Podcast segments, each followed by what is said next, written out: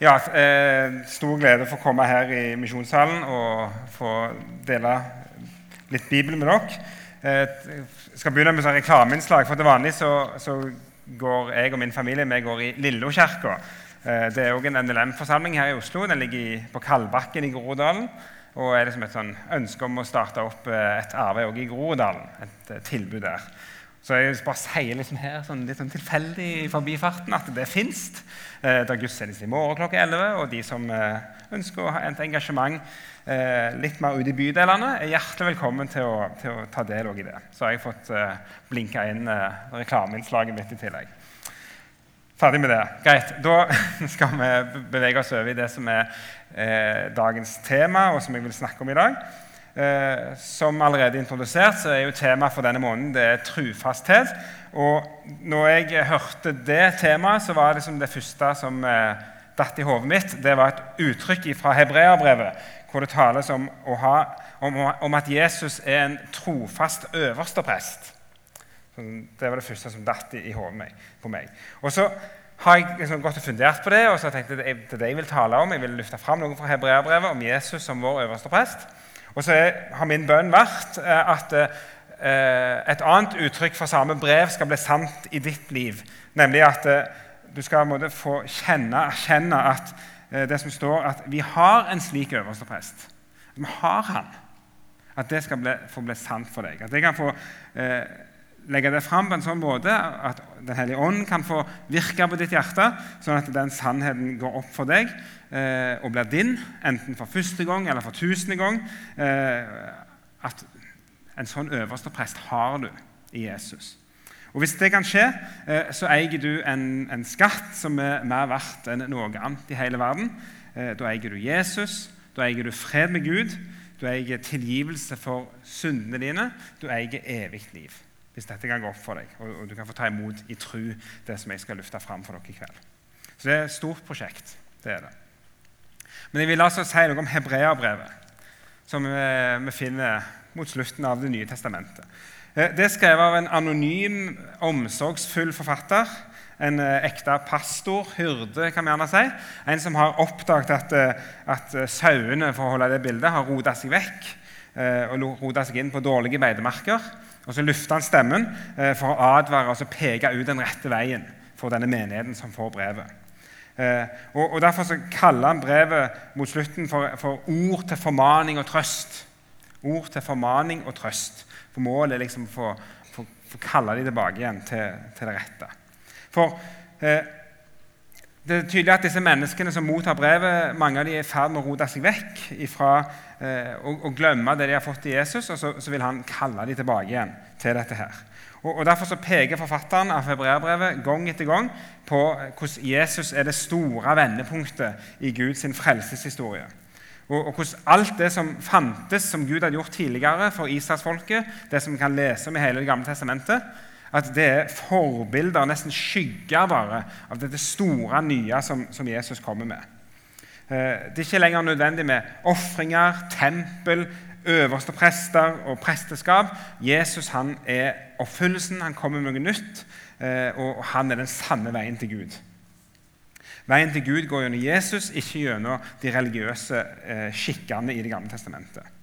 Han er den egentlige veien til Gud, den virkelige veien til Gud. Eh, og alt det som de hadde lært fra Det gamle testamentet, det er liksom kart, avbildninger, modeller, forbilder på dette store, nye som, som Jesus kommer med. Eh, og Derfor så begynner brevet med å liksom, løfte oss ut av det hverdagslige og gi et, glimt av hva Jesus representerer. For Helt i starten, altså åpningen av brevet, så står det mange ganger og på mange måter har Gud i tidligere tider talt til fedrene gjennom profetene. Men nå, i disse siste dager, har han talt til oss gjennom Sønnen. Ham har Gud innsatt som arving over alle ting, for ved ham skapte han verden. Han har utstrålingen av Guds herlighet og bildet av hans vesen, og han bærer alt ved sitt mektige ord. Da han hadde fullført renselsen for våre synder, satte han seg ved majestetens høyre hånd i det høye. Og Dette er en innledning som hadde fortjent 15 bibeltimer alene, men legg bare merke til, til poenget før har Gud talt mange ganger på mange måter. Han har gjort gjennom profetene, han har gjort gjennom Det gamle testamentet. Alt som står her. Gud har talt Men Gud har nå i de siste dager for forfatteren sin del talt på en helt ny, helt unik måte. Han har talt gjennom Sønnen. Og så følger det en beskrivelse av Sønnen. En overveldende beskrivelse. Hvem han er, eh, hvordan Gud har skapt verden ved han, hvordan han er avbildet av Guds vesen. Han er Gud sjøl, denne her Sønnen som Gud nå har talt gjennom. Og Det gjør at alt annet som Gud har sagt tidligere, det blir nesten sånn, det bleikner i forhold til dette store, nye lyset som har strålt fram gjennom Sønnen. Og Det er det forfatteren utfolder gjennom hebreerbrevet. Så Det er liksom bare for å legge grunnlaget for hva, hva, vi møter i dette brevet. her. Vi møter et budskap om noe som liksom, det er så mye bedre, det som har kommet i Jesus, enn alt det som fantes før. Og Så griper da hebreerbrevet tak i eh, en ordning som Gud hadde gitt israelsfolket i Det gamle testamentet, en offertjenesten i tempelet. Eh, med alle offerdyra, med presteskapet, med huset, bygningen som de utførte alt dette her i. Og Det blir en sånn hovedsak utover hebreerbrevet. Fra kapittel 4 og ut kapittel 10 så er det liksom disse tingene han, han holder på å behandle. Så det er liksom bare å gå hjem og lese og, og, og se hvordan dette her utfoldes. Og så er det da i, måte, som en del av opptakten til å behandle dette her, at dette ordet som jeg liksom tenkte på når jeg hørte månedens tema, eh, det, var, det er der vi finner det. i Hebreabrevet 2, vers 17, hvor det står om Jesus. Eh, derfor måtte han på alle måter bli lik sine søsken, så han kunne være en barmhjertig og trofast øverste prest for Gud og sone folkets synder. Det er det ordet som står om Jesus. Han er en barmhjertig og trofast øverste prest for Gud til å sone folket sine synder. Eh, og så er det jo dette ordet 'trofast' som er liksom eh, stikkordet. Eh, og da er det sånn gresklærerhatt på.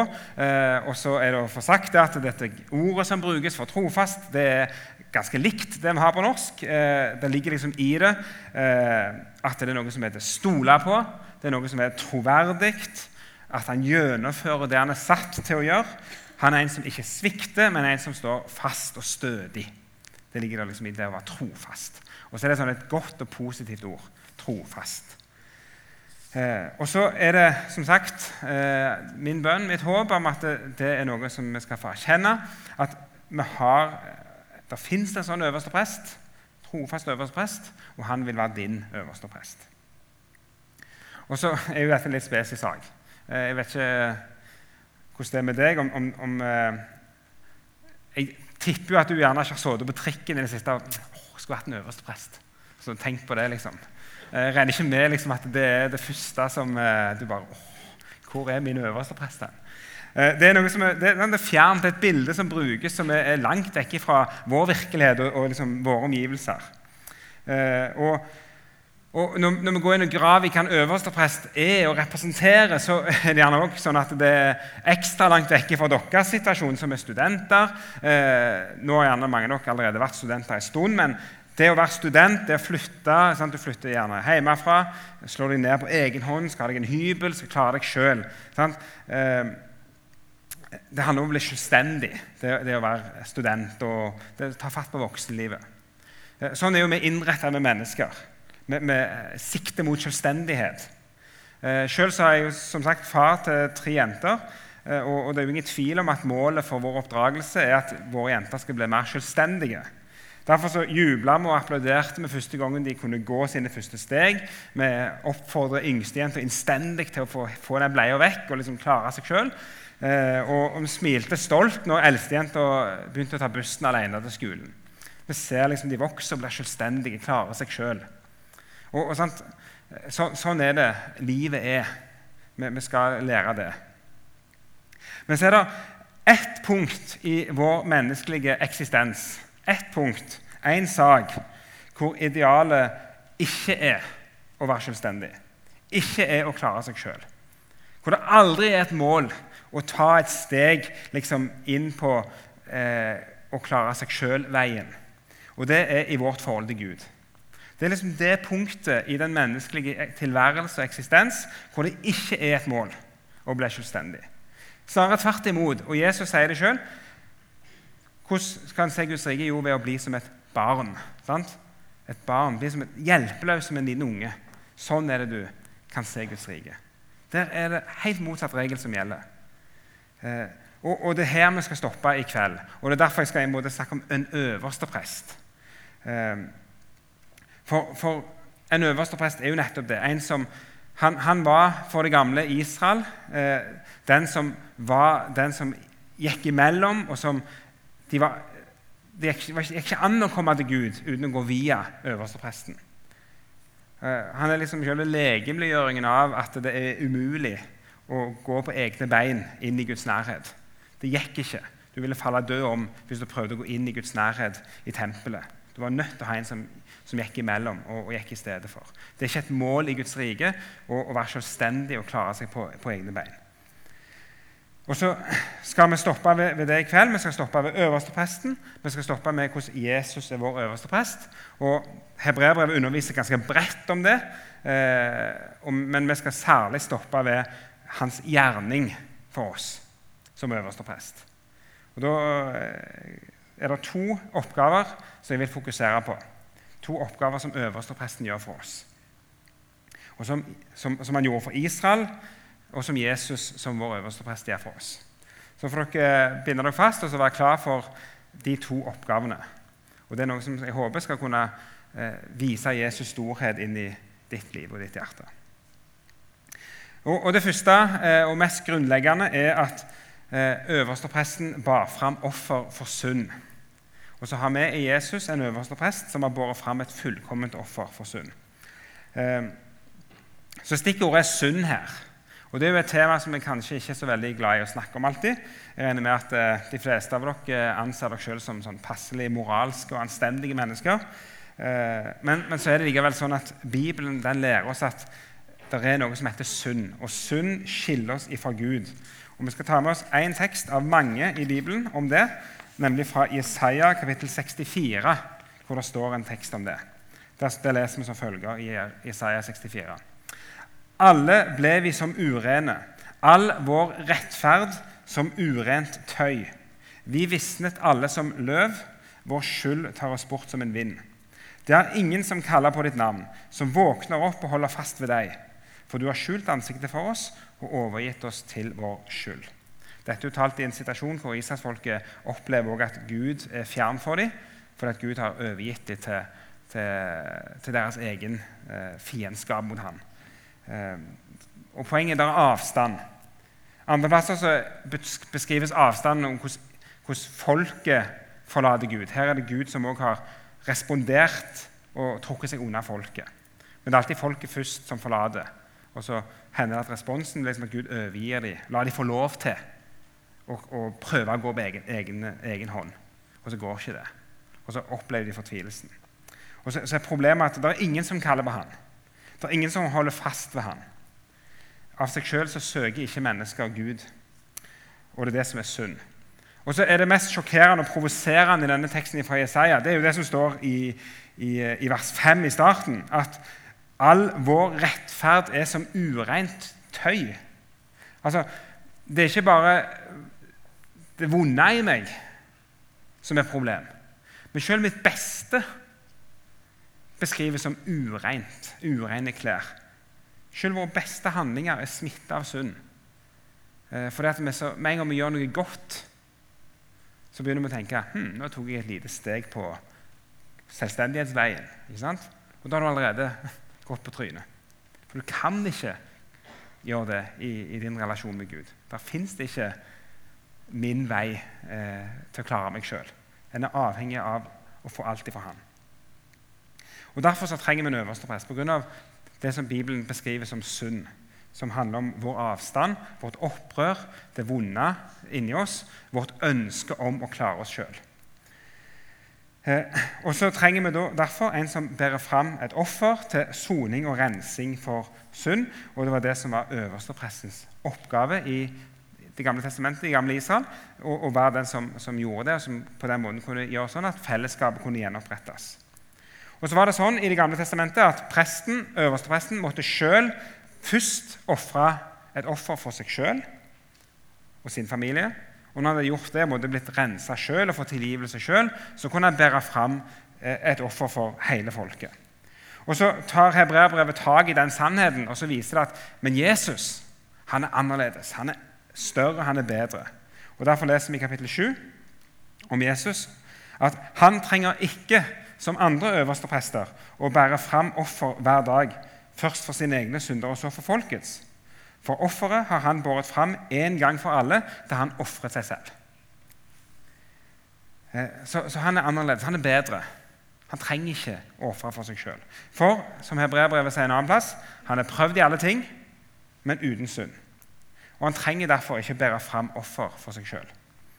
Eh, og så er det ikke bare at han ikke trenger å bære fram noe for seg sjøl, men òg, som det understrekes her, han har båret fram sitt offer for folket én gang for alle. Eh, I Det gamle testamentet var det nødvendig å gjenta ofringene. Og så var det nødvendig å bytte ut prestene når de ble gamle og døde. Men Jesus er annerledes. Han lever alltid, og hans offer er fullkomment, og det gjelder én gang for alle. I Det gamle testamentet var det faktisk så heftig at du, de hadde egne saueflokker som var knytta kun til offertjeneste i tempelet, så at de hadde nok offerdyr. Det var ganske mange tusen dyr som ofres hvert år. Bare daglig så måtte de ofre to lam hele året. Det ble 730, var ikke det? Bare to lam daglig et helt år.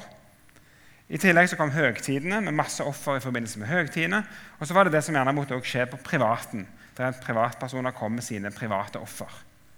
Det ble hundrevis, tusenvis av dyr av enkeltoffer som må gjentas eh, daglig gjennom hele Det gamle testamentet. Og I Lukas 2 så leser vi også at Josef og Maria eh, når Jesus er blitt født, så kommer de til tempelet med duer som de ofrer som et renselsesoffer etter fødselen. For det også var foreskrevet i Det gamle testamentet. Så vi finner liksom, Det rammer inn hele Israels liv.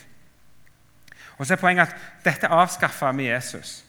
Eh, som en trufast øversteprest har han gjort sin gjerning én gang for alle. Det er ikke behov for flere offer, for Jesus sitter fullkomment. For det er en helt annen kvalitet det han har båret fram. For Jesus han ofra seg sjøl. Han er ikke bare vår eh, øverste men han er òg sjøl offerlammet. Det fullkomne offeret som skulle bæres fram. Og så er jo dette en fremmed verden for oss. Vi er ikke fortrolige med offerspråk. og Hvilke bilder skal vi liksom bruke for å prøve å anvende det inn i våre egne liv? Jeg får ta et par som er relevante for meg og min livssituasjon. Eh, det ene er kredittkort. Nå har jeg ikke lommeboka på meg her, men eh, det er jo et eh, tilbakevendende problem i livet at det er ikke dekning på kontoen. Og enda verre er når du da lurer deg sjøl og begynner å dra kredittkortet, så jo akkumuleres jo gjelda. Se for deg et kredittkort som alltid står i null, uansett hvor mye du drar det. Det er alltid null. Gjelda er til enhver tid betalt. Sånn er det å ha et fullkomment offer en gang for alle. Ikke haltende bilde, men kanskje litt. Eller En annen relevant situasjon som jeg lever i, eh, det er knytta til vasking av hus. Enten det er vinduer eller det er gulv. Så skal jeg love deg at eh, nå, ja, skal ikke diskutere hvem som vasker mest, men uansett. Eh, når ting er blitt vaska, la oss si det sånn da, i passiv, eh, så har eh, mine kjære små en forferdelig lei tendens til å hive seg over et nyvaska vindu og klask. ikke sant? Så, altså, og så, tenk om det fantes et vaskemiddel som gjorde at det var alltid rent. Og det ble aldri skittent igjen i det hele tatt. Tenk så fantastisk deilig det hadde vært. Men, men sånn, er, er, sånn, er, Jesus soning. og og, og, faktisk I Det gamle testamentet det er jo litt artig også, altså Ordet soning, det hebraiske ordet soning, det handler særlig også om, om, det å vaske vekk noe. Så Det passer liksom bildet. Sånn, Jesus har båret fram et soningsoffer en gang for alle. Det er for evig og alltid konstant rent. Fordi at hans er gjort en gang for alle. Tenk så fantastisk deilig det må, må, må være å ha et vaskemiddel som, som, gjør at det alltid er rent. Men men, men pga. Jesu offer, pga. hans blod, hans vaskemiddel, så, altså, så, er det alltid rent. Det er alltid adgang inn til fellesskap med Gud. Eh, det skillet som måtte finnes mellom oss og Gud, det er tatt vekk i Jesus. Eh, I stedet for at eh, din rettferd er et ureint klesplagg, sånn som vi leste fra Jesaja 65, så skal du få lov å kle deg i Jesus fullkommen, alltid ren. Han vil være din klesdrakt. Eh, og I Johannes' åpenbaring er nettopp det som er en av de her himmelvisjonene Johannes får. Han får se en flokk av de frelste kledd i hvite klær. Og Så spør han jo hvem er disse her? Jo, det er de som har fått vaska klærne sine i lammets blod. står der. Og det siktes det til offeret som han har båret fram. De er evig rene. Vaskemiddel som alltid gjør at det er rent til enhver tid. Sånn er Jesus som vår øverste prest. En fullkommen gjerning eh, som, som, er fullkomment utført.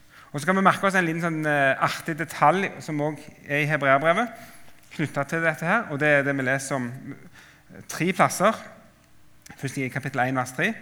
Eh, da han hadde fullført renselsen for våre synder, satte han seg ved majestetens høyre hånd i det høye.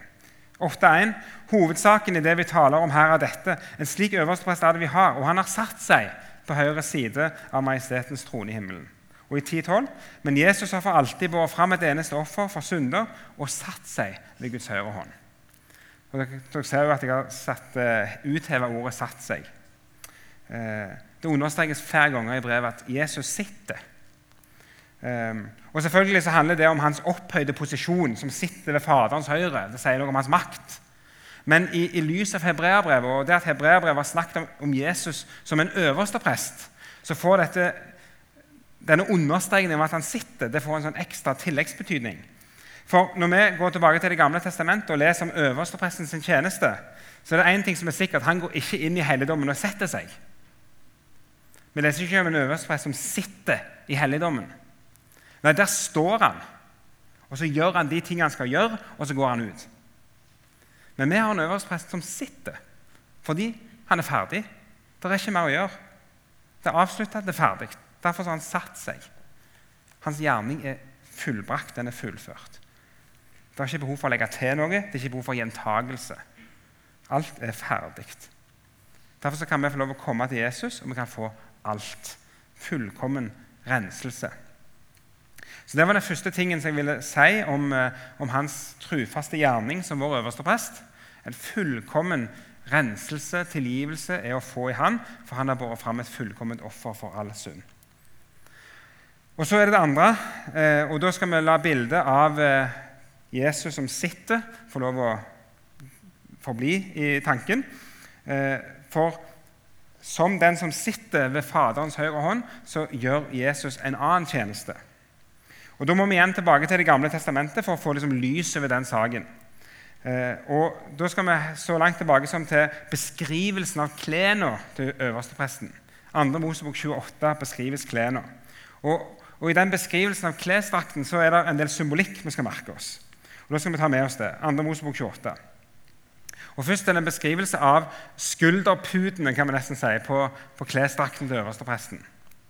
Det står du skal ta to onyksstener, og på dem skal du gravere inn navnene på Israels sønner.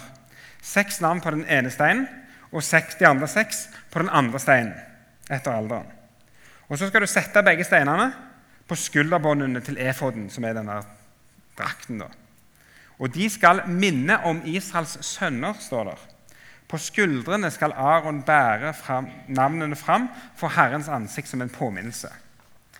Og Når det står Israels sønner, så er sikter det til disse tolv stammene i Israel, som er altså hele folket. Så de, Hele folket er representert ved disse tolv navnene som står på øversteprestens skulderpuder, eller hva vi skal kalle det for. Og Så skal hele folket på den måten bæres fram for Gud, for hans ansikt, som en påminnelse. Men så er det ikke bare på skuldrene at det skulle stå. Men vi leser videre i kapittel 28 også om at det skulle være på brystet til øverstepresten. Derfor så står det på bryststykket skal du sette fire rader med steiner i innfatning. I den ene raden skal det være rubin, topas og smaragd.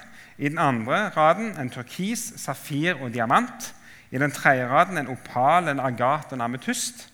Og i den fjerde raden krysolitt, onyx og en jade. Det er jo edelsteiner det siktes til. Så det skal være tolv edelsteiner inn på, på liksom brystet til presten. Eh, og på de tolv steinene de skal bære navnene til Israels sønner. Så igjen, Disse navnene skal inngraveres ett navn per stein på edelsteiner. Og Så står det i vers 29 når Aron går inn i helligdommen, Aron som var øverste, den første øverste presten i Israel, skal han ved sitt hjerte bære navnene på Israels sønner på bryststykket. Det skal være som en stadig påminnelse for Herrens ansikt. Bære, og det er nydelig uttrykk, Han skal bære det ved hjertet sitt, øverstepresten. Som en stadig påminnelse for Gud. Og Så finner vi altså da tekster i hebreerbrevet som viser det samme, hvordan Jesus bærer oss fram for Gud. Hvordan han er den som går i forbønn for oss og ber oss fram for Gud. Og Vi skal ta med noen tekster fra hebreerbrevet som viser hvordan det er en del av Jesu gjerning. Kapittel 4. For vi har ikke en øverste prest som ikke kan lide med oss i vår svakhet, men en som har prøvet i alt på samme måte som vi, men uten synd. La oss derfor frimodig tre fram for nådens trone, så vi kan finne barmhjertighet og finne nåde som gir hjelp i rette tid. Her legges liksom fundamentet.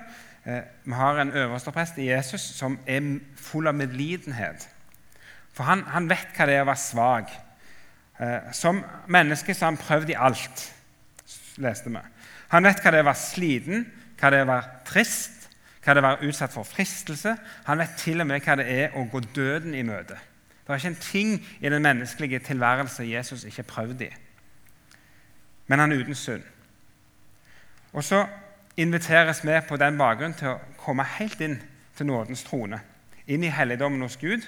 Eh, og Der er det ikke bebreidelse og 'hva var det jeg sa', men der, der leste vi barmhjertighet og nåde er det vi får møte hos Gud pga. Jesu gjerning som vår øverste prest, som, som ber oss fram for Gud. Og Så sies det da videre i kapittel 7 og kapittel 9 følgende og Det kommer sikkert, sikkert også opp på veggen for dere. Men Jesus har et prestedømme som ikke tar slutt, fordi han er og blir til evig tid. Han er evig. Derfor kan han også fullt og helt frelse dem som kommer til Gud ved ham, fordi han alltid lever og går i forbønn for dem. Og i kapittel 9 For Kristus gikk ikke inn i en helligdom som er gjort av menneskehånd, og bare er et bilde av den sanne helligdommen. Han gikk inn i selve himmelen, og nå trer han fram for Guds ansikt for vår skyld. Eh, vi har altså en øverste prest i Jesus som trer fram for Guds ansikt. Han er den som døde, som sto opp igjen, som lever i all evighet. Og så leser vi altså at han, han, han, han lever, og så går han i forbønn for oss. Og Da forstår vi at dette er en vedvarende, aktiv forbønn som alltid vil være der. Fordi at han som ber, han er alltid. Og Da kan vi liksom tenke oss tilbake igjen og prøve å visualisere. Sånn, se for deg presten i Det gamle testamentet som hadde bar fram folket på sitt bryst, nær sitt hjerte. Og så tenker jeg på, på altså han, han, han hadde en synlig påminnelse, en fysisk uttrykk for folket ved sitt hjerte. Og så tror jeg vi kan si det samme om vår øverste prest. Han har òg nær sitt hjerte en synlig påminnelse om oss, nemlig et sår i sida. Han har strekker ut hender i bønn som er merket av nagler. Eh, han, og på den måten så, så ber han Far, se hendene mine. Jeg døde for Knut Kåre. Han er tilgitt. Han er ren.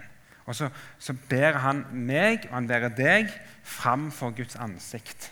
Og så går han i forbønn for oss. Og det gjør han vedvarende, for han lever alltid og er alltid til. Og så var det disse tingene som jeg hadde lyst til å, å lufte fram i dag. Eh, at vi har en øverste prest. Du har en øverste prest. Eh, en som har båret fram et fullkomment offer for dine synder. Din gjeld er betalt, all din urenhet er vaska vekk med et vaskemiddel som bare varer. Eh, og alt det er ditt eh, ved trua på Jesus. Du får kle deg i Han. Og så lever han, og så ber han for deg. Han er din talsmann hos Gud, skriver apostelen Johannes. Og når vi synder, så er han vår talsmann og vår soning for Gud. Eh, så han er vår trufaste øverste prest. Og til han er det du skal få lov å komme, og til han er det du blir invitert. Så Det ønsker jeg at skal være det vi kan få ta med oss fra i kveld. Så vil jeg be en bønn til slutt, og så skal vi få lov å takke Jesus for hans eh, gjerning for oss. Gode Gud og himmelske Far, vi takker og priser ditt hellige navn, for du er god, og din nåde og din miskunn varer til evig tid. Takk, Herre Jesus, for at du er vår øverste prest, at vi har en sånn øverste prest i deg som har gjort alt for oss. Og Jeg ber Herre om at du må eh, vise deg for oss, sånn at vi kan forstå det og, og eh, få glede oss over eh, alt vi har i deg. La det få gå opp for våre hjerter. Jeg ber Herre om at eh, ingen må, må, gå herfra uten at de, uten at de på en eller annen måte kan få, få møte deg, Jesus. At du kommer til dem. Det ber vi om i ditt navn. Amen.